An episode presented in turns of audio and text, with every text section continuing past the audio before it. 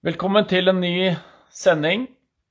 I dag er tema visdom fra Østen, og nærmere bestemt eh, Lao Tzu og eh, Confucius, som han kalles. Vi lever jo i en eh, tid som er ganske utfordrende. Det er veldig mange mennesker som sliter med å leve godt i et samfunn som er ganske uoversiktlig og som også på mange måter har ganske lite dybde, vil jeg si. Og mye av denne overflateproblematikken, så jeg vil si det, som gjennomsyrer veldig mye av samfunnet vårt, det er et resultat at vi utforsker altfor dypt både i oss selv og i hva egentlig livet dreier seg om. Og skal vi finne litt ut av det, så er det jo lurt ofte å se til eh, en del eldre filosofer og tenkere som har eh, sett litt nøyere på hva som på mange måter skal gi livene våre et godt fundament. Da. For vi skal jo leve liv på uh, overflaten, praktisk sett. Men så er det mye mer til oss som mennesker. Vi er ikke bare hjernen vår, vi er ikke bare alle de tingene vi gjør i livene våre heller. Men det er viktig at vi har et meningsgrunnlag i livene som stikker dypt nok, da, som kan bære oss gjennom mange av de utfordrende tingene som kan dukke opp i løpet av et liv. Så disse to eh, gutta, for å si det sånn, de levde jo i mellom 500 og 600 år før eh, Kristus. Eh, Confucius er jo en, figur som er mye mer stadfesta historisk sett. Lao Tzu er vel mer en, en slags mytisk figur som sannsynligvis har eksistert, men uh, han har uh, ikke noe direkte historisk opphav. Så mest sannsynlig så er veldig mye av det som er etterlatt av han, er ting som følgere av en eller annen som levde for lenge, lenge siden, har uh, snakket om. Og Grunnen til at jeg har tatt disse to ulike tilnærmingene, for de tilhører jo på mange måter særlig kinesisk filosofi, men de representerer veldig eh, mye motsetninger, samtidig som de også har et ganske felles opphav. Og det passer jo godt eh, inn under det yin-yang-symbolet som dere sikkert kjenner til, hvor du har eh, to halv, halvsirkler som er hvit og svart, og så er det en hvit prikk i det svarte og en svart prikk i det hvite. Og det forteller jo egentlig en historie om hvordan universet er eh, bygget opp og konstruert. Eh, at det er eh, komplementære motsetninger som gjennomsiler hele tilværelsen. Hele universet, hele livet, hele jordkloden, naturen, menneskekroppen, menneskesyken. Det er noe vi ikke kommer unna i det hele tatt.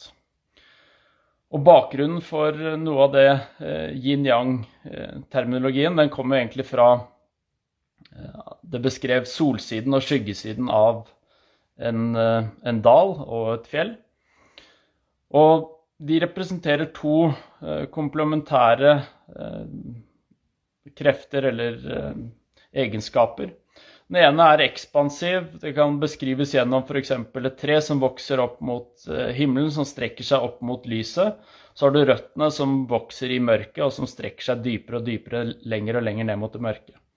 Yang er jo ofte karakterisert som den maskuline kraften, som er ekspansiv, som søker utover. Mens uh, yin det er jo ofte sett på som den feminine kraften, som ofte er snakk om en jording, og som bringer ting nærmere jordkloden og fokuserer på de tingene som er nært. Og disse kreftene de pågår som sagt både i kropp og syke. Og du kan jo si det sånn at du har jo deler ved deg selv som er myke, og så har du sider av deg selv som er mer harde. Og det å prøve å undertrykke noen av disse egenskapene vil jo ofte skape ganske mye problemstillinger, både symptomer og sykdommer og plager. Men noe som ligger bak dette yin-yang-prinsippet, det er jo det at eh, vi kan ikke fjerne eh, verken det ene eller det andre. Og forsøk på å fjerne eh, enten da den ene motsetningen eller den andre, det vil føre bare til at motsetningen bare øker i styrke og konsekvens. Og mye, Vi lever jo i et samfunn i dag som tenker at vi har kommet veldig langt, men på mange måter så er vi også et samfunn som er kanskje blant de minst vise som har levd. Vi lever jo ikke veldig vist i forhold til både kontakt med naturen og hvordan vi etterretter livene våre i forhold til både naturlige og universelle lover som, som gjelder. Og det fører jo naturligvis til veldig mye av de problemstillingene vi både ser i verden i dag, og også i våre egne liv. Så et typisk eksempel på å fjerne f.eks. aggresjon, fjerne eh, sånne type mørke egenskaper ved mennesket, det er jo noe begge, begge disse gutta, både Lasu og Confucius, begge de var jo motstandere av å prøve å fjerne det. Men kanskje mest Lasu, som snakket som eh, er jo på mange måter en slags opphaver til daoismen, som snakker da veldig mye ut ifra det jeg nevnte nå, med eh, disse motsetningene som går over i hverandre. Når én motsetning går mot en ekstrem, når den når en topp, så forvandles den naturlig om til den andre motsetningen. Så det forteller egentlig bare om en slags sammenvevet sammenheng som gjør at uansett hva vi gjør, så greier vi ikke å kvitte oss med motsetningen. Så om vi ønsker å fjerne eh, krig fra verden og bare prøver å søke til fred, så er det uunngåelig at det blir krig. Og mye av kunsten som Lao Tzu eh, forsøkte å formidle, det var jo å leve mye mer i harmoni med nettopp disse naturlige eh, lovene og prinsippene som gjelder. Og ved å gjøre det, ved å ikke hele tiden sørge for å blåse opp til storm fordi vi prøver å kvitte oss med visse sider av enten livet eller oss selv, så vil det bli en mye mer eh, større grad av sammenheng i måten vi tilnærmer oss både eget liv og møte med andre mennesker og relasjoner. Så jeg vil jo si det sånn at uh, det han uh, appellerte til, var jo mye mer det å være mye mer spontan. Altså ikke spontan at du nødvendigvis går rett i godteriskuffen og forsyner deg, men spontan i den forstand at du er mye mer i kontakt med den du virkelig er, og gjennom en slags uh, handling som ikke skal være veldig Du skal ikke legge mye strev bak den handlingen for å uttrykke Eh, hvem du er. Men her dukker det opp eh, mange utfordringer for mange, fordi man er blitt lært opp til at man skal være på en viss måte. Og på den måten så kan du undertrykke mange sider ved deg selv som du naturligvis kanskje ville uttrykt dersom det ikke var andre mennesker til stede. Men eh, så forsøker du å undertrykke det, så kommer det ofte i full fart tilbake. Så du kan jo bare gjøre et eksperiment selv, at hvis du prøver å være positiv hele tiden f.eks., så vil eh, på et eller annet tidspunkt så vil psyken over, overmanne eller overkvinne deg og sørge for at eh, tristhet og det å være lei seg og negativ, det vil komme tilbake i en sannsynlig veldig stor fart. Og når du minst venter det.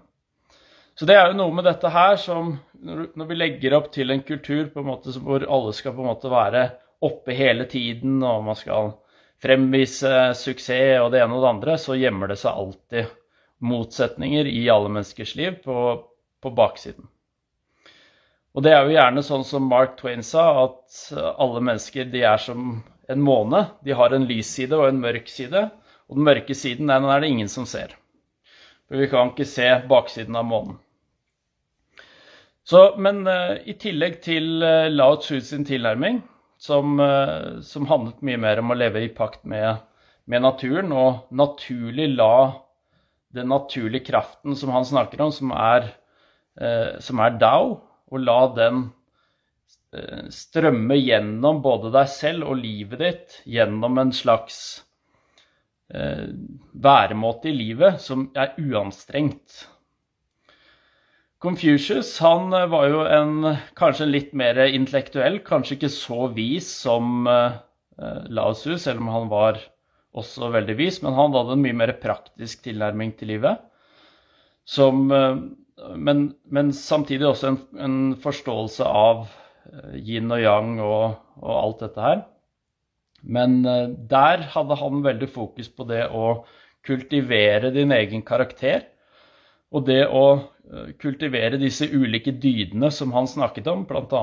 visdom, eh, modighet, være ydmyk, ha respekt for eh, eldre, ha respekt for foreldrene dine. Det å være hele tiden ute etter å moderere handlingene dine og ikke sløse, men hele tiden være en, en person som er både en god samfunnsborger, men også bidrar til harmoni både innenfor din egen familie, øh, din egen arbeidsplass og den regionen av verden som du bor i.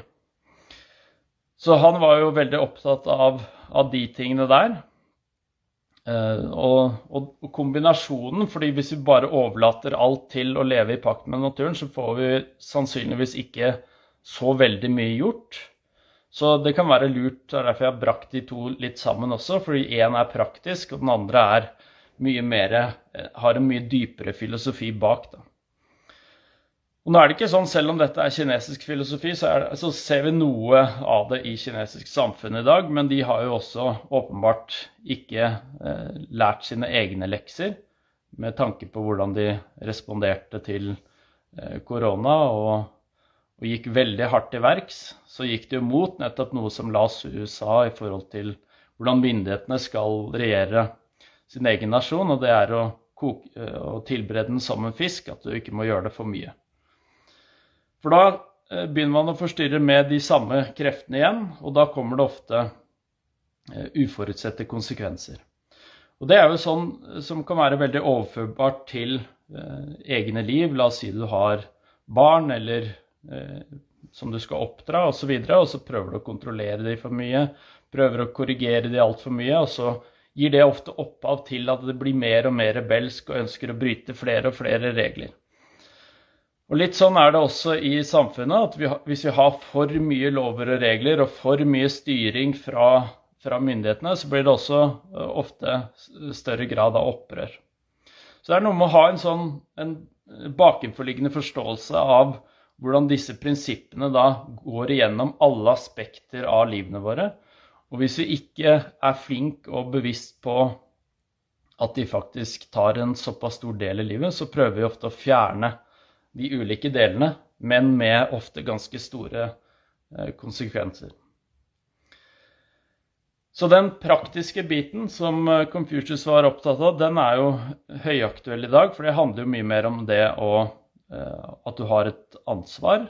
Du har et ansvar både for deg selv og du har et ansvar for andre mennesker rundt deg. Og det også noen ganger utsette egne ønsker og sette kanskje andre, eh, andre først. Når du har fått dekket egne behov, da. Så setter du andre litt først og har den holdningen av at du blir rikere av å gi. Så hvis du gir først istedenfor å ha fokus på og alltid forsyne deg og ta, så blir livet ditt beriket mye mer på sikt. Så han snakket jo om veldig eh, viktigheten av å ta vare på de eldre. Eh, og det ser vi også litt i våre samfunn i dag, at de er jo på mange måter ikke vi i Vesten så veldig flinke til å ta vare på de eldre. De får en veldig sånn tilsidesatt rolle. Og i noen tilfeller så er det jo helt nødvendig pga. sykdom og sånn, men, men, ellers så blir jo ofte de, den eldre generasjonen ganske forsømt. Da. Men det er et annet emne som er ganske utfordrende og vanskelig for mange. Men det var i hvert fall noe han syntes var veldig viktig. For det var noe som han så på som ganske stabiliserende for, eh, for både nasjonen og familien. Og kineserne har jo en helt annen tilnærming til styring. Så i Vesten er vi mye mer individopptatt, mens eh, i Kina og Østen så er de ofte mye mer opptatt på en mye mer ovenfra-ned-styring. Så de styrer jo nasjonen sin akkurat som de styrer en familie. Så det er litt vanskelig for oss å forstå uh, hvordan rollen til individet kan ha så liten plass i et samfunn, men dette er noe som har bygd seg opp over mange, mange århundre. Men Lao Tzu han uh, han uh, ville jo sagt det sånn at, at gjør de eh, vanskelige tingene når de er enkle. Det er noe som han eh, har sagt, og som man ofte kan høre siteres i dag. Og han sier også det at hvis du leter etter svar i livet ditt, så vil du alltid finne det i ditt eget senter. De finnes aldri på utsiden. Men hvis svaret ikke kommer, så er det som regel fordi du blokkerer det på en eller annen måte. Eller at det er noe du ikke ønsker å gi slipp på. Men svaret, det er alltid eh, på innsiden. Og Lao Tzu var uh, veldig hjerteorientert, så han var jo veldig opptatt av ved å følge hjertet og bygge opp uh, den kraften som hjertet har, så vil livet også utfolde seg mye mer uten strev. Da.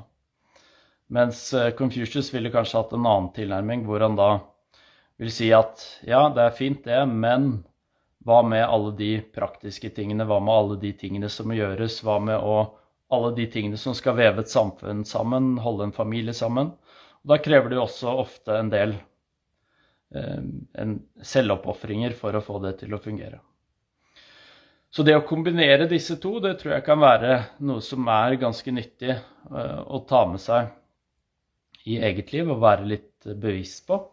Selv om sikkert mange praktiserer det allerede. Men jeg tror i stor grad eh, den biten som handler om å La mye, mye, av de naturlige prinsippene som vi observerer i omgivelsene våre, og også når vi er i kontakt med natur, la de på en måte tillate de å, å, å strømme gjennom eh, både eget liv og, og, litt hvordan eh, du har det på innsiden også. Du kan jo se det sånn med en gang du beveger deg, la oss si du sliter eller har det vanskelig, så er jo det ofte et resultat av også litt hvordan man lever og hvor man bor ikke sant? Så med en gang du blir fjernet fra sånne type omgivelser og kommer mer i naturlige omgivelser, så er det ofte sånn at ting stabiliserer seg mye, mye mer. Og det er jo litt også fordi da kommer vi mer i kontakt med de vanlige rytmene som, eh, som både kropp og syke har bra av. Og det er jo noe av det som ofte vi kanskje ikke ser så mye av når vi lever så tett oppå hverandre inne i, i, i bygryta, for å si det sånn, eller i dagens moderne samfunn, det er jo den rollen som eh, det stressende livet egentlig har både på livskvalitet, opplevelse av mening, og også eh, tilstedeværelse eller fravær av sykdom. Og så setter vi opp sekundært veldig mange ting som skal ta løse alle disse problemstillingene, men så er det kanskje eh, en del eh, kritiske ting eh, som, går, som, går, an å kritisere ved måten vi lever på i dag. Da som kanskje er med på å skape like mye problemer som det det løser. Så der har jo de i Østen en veldig annerledes tilnærming i forhold til det å løse problemer. I Vesten så er vi sånn Vi må løse problemet. Å, her har vi et problem. Nå må vi fikse det. Mens de er mer sånn OK, vi, vi, det her er et problem, men vi vet også det at hvis vi forsøker å løse problemet, så, vi ofte, så løser vi det problemet, men det gir opphav til et nytt problem. Så løser du ett problem, så kommer det ofte bare et nytt et i en annen type form. Så der er de mer opptatt av det, og kanskje ikke sier jeg ikke nødvendigvis den, den moderne delen av eh, Østen, men, men, det som har på en måte vært en del av østlig filosofi, da.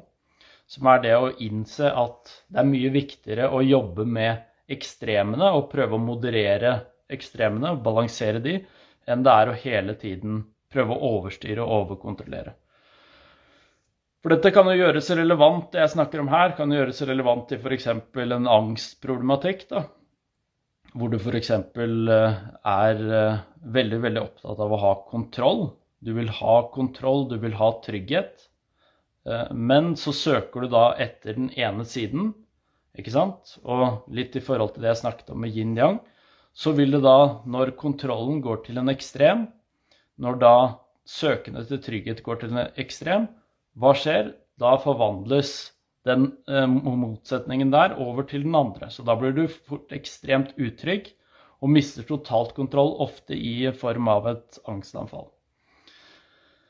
Så de, og Derfor så sier jeg alltid at symptomene er ikke der for å plage deg, de er ikke for å gjøre livet ditt vanskelig, men de er der for å instruere deg. Så symptomene egentlig prøver å justere livet ditt, sånn at du skal leve mye mer vist i forhold til mange av disse underliggende prinsippene. Så det er jo noe som er totalt glemt innenfor eh, mye av helsevesenet i dag. Hvor man snakker om diagnoser og vi snakker om alt mulig greier og medisiner og alt skal fikses opp i. Eh, men så er det ikke nødvendigvis at vi lærer mennesker da og hvordan, hvordan de kan utvikle både seg selv, e, egne egenskaper og få gode verktøy og forståelse som gjør at man kan gi opphav til en mye større grad av harmoni både på innsiden og utsiden. Så dette er en litt, uh, liten introduksjon til noen av de tankene som de, de, gjorde seg i forhold til viktigheten av å forstå litt uh, konteksten vi lever i, forstå litt det totale uh, univers, og ikke bare se på det som at å, så interessant alt det universet som er der ute, men at det universet har noen tidløse eh, lover og prinsipper som gjennomsyrer alt det vi er eh, som mennesker, og alle relasjoner vi har også. Og ved å ta med bord veldig mye av den forståelsen og de prinsippene i eget liv, så vil det være med på å rette opp i mye av de unødvendige feilene som vi begår, som fører til unødvendig lidelse. Så jeg vet ikke om det er noen eh, innspill eller eh, spørsmål nå eh, før jeg runder av. Så som Confucius sa, at livet det er egentlig ganske enkelt, men vi gjør det unødvendig komplisert. Og det tenker jeg er en, en fin måte å, å, runde av sendingen på. Og jeg vil jo si det sånn at uh, istedenfor å hele tiden Ja, et, et, par ting jeg skulle si til i forhold til uh, Confucius. Han sa jo det at når han istedenfor å Som vi ser i dag, så er det jo veldig mye antagonisme som bygger seg opp i, i samfunnet. Vi observerer, vi ser til andre hele tiden. Og hva gjør alle andre feil? Er, hvordan driter folk seg ut? Når er det vi skal hente frem gapestokken? Og der ville jo, sånn som Confucius sa, så sa han jo det at eh, når du går tur med to andre mennesker, så ser du på de gode egenskapene og de Eh, emulerer du, eller etterligner det. Også de dårlige egenskapene. De fordømmer du ikke. Du driver ikke og peker finger og sier 'Å, herregud, så, så forkastelig de menneskene er', eller eh, 'så dårlige mennesker de er'. Men som han sa, da vender du heller eh, blikket innover og reflekterer heller over hvordan du kan forbedre de tingene i deg selv. Så det er jo en litt sånn en tilnærming som jeg tror verden i dag trenger ganske mye av. Vi trenger istedenfor å hele tiden undertrykke egenskaper i oss selv og overføre de over på alle andre og så dømme de, så, så kan vi heller eh, børste egen, eh, børste egen eh, dørstokk og ta hånd om våre egne. Og jeg har veldig tro på at veldig mye av tilhelningen av den verden vi lever i i dag, den starter ikke med at vi prøver å fikse opp alt på utsiden, men det starter med at hvert enkelt individ får det bedre på innsiden og lærer seg å harmonere yin og yang, altså alle motsetninger i både liv, familie, samfunn og verden, og lære å forstå sammenhengen av de, sånn at vi ikke lever i en verden som såkalt som vi er blitt servert, som såkalt er meningsløs, og vi er bare et lite støvkorn i det store univers. Mens jeg vil jo si at hver bevissthet har en, en rolle å spille, og noe og på en måte som ikke kan nødvendigvis eh, måles eller kvantifiseres. Men det har en kvalitativ effekt på både naturen og universet som vi er en del av. Skal vi se. Da var det et spørsmål her. Har du noe litteratur anbefale knyttet til disse to? Utrolig spennende tema, dette som jeg vil dypdykke mer i. Altså, da vil jeg jo anbefale, sånn som jeg liker å gjøre hver gang jeg F.eks. hvis jeg studerer eh, psykologi, så går jeg alltid til grunnleggeren av psykologi, eller grunnleggerne.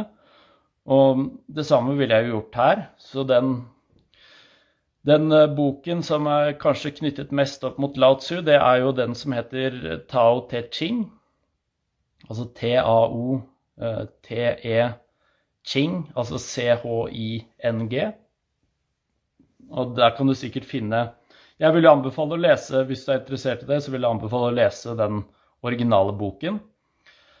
Selv å finne en eller annen engelsk oversettelse eller et eller annet sånt noe, for det er veldig mye som, som går tapt i oversettelsene. Fordi det kinesiske språket er som sagt er veldig vanskelig. Og da er det jo veldig mange Det blir veldig utvanna, da. Men teaching det er jo en, som, en bok som er basert på eh, Lao Tzus eh, sin lære.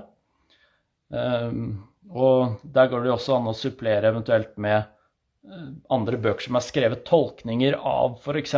den boken. Når det kommer til Confucius, så har jo han en samlet verk som heter The Analects. Det skrives A-N-A-L-E-C-T-S. Eh, og da er det bare å søke på Confucius og Analects. Der eh, får man litt eh, innblikk i noen av de tankene han hadde. Nå er jo selvfølgelig noen av de tingene jeg har formidlet her i dag, er jo litt sånn sammenvevet av mye undersøkelser og research som jeg har gjort på området over tid. Men allikevel, så det, er, det, kan være en fin start, i hvert fall. For det åpner ofte nye dører til andre ting som kan være ganske spennende. Skal vi se Skal jeg bare se om det var noen flere. Ja, ganske imponerende at så gammel visdom har fortsatt så stor påvirkning og lærdom hos oss mennesker fortsatt. Ja, absolutt. Og, og det er jo noe med det der at vi tenker vi skal finne opp hjul på nytt og gjøre alle mulige slags ting, men så er det jo ofte den enkle, men dype forståelsen av eh, naturen og universet som til slutt vil gi oss svar på veldig mye av de tingene vi leter etter. Så takk for eh, oppmerksomheten i dag. Denne blir eh, lagt ut. Det gjør den. Så håper jeg dere får en veldig, veldig fin start på uka. Håper at sommeren eh, går som planlagt, at det ikke har dukket opp for mange utfordringer på veien. Men da er det jo alltids mulig å vokse seg større enn de problemene man har. Takk for i kveld. Vi sees neste søndag. Ha det bra.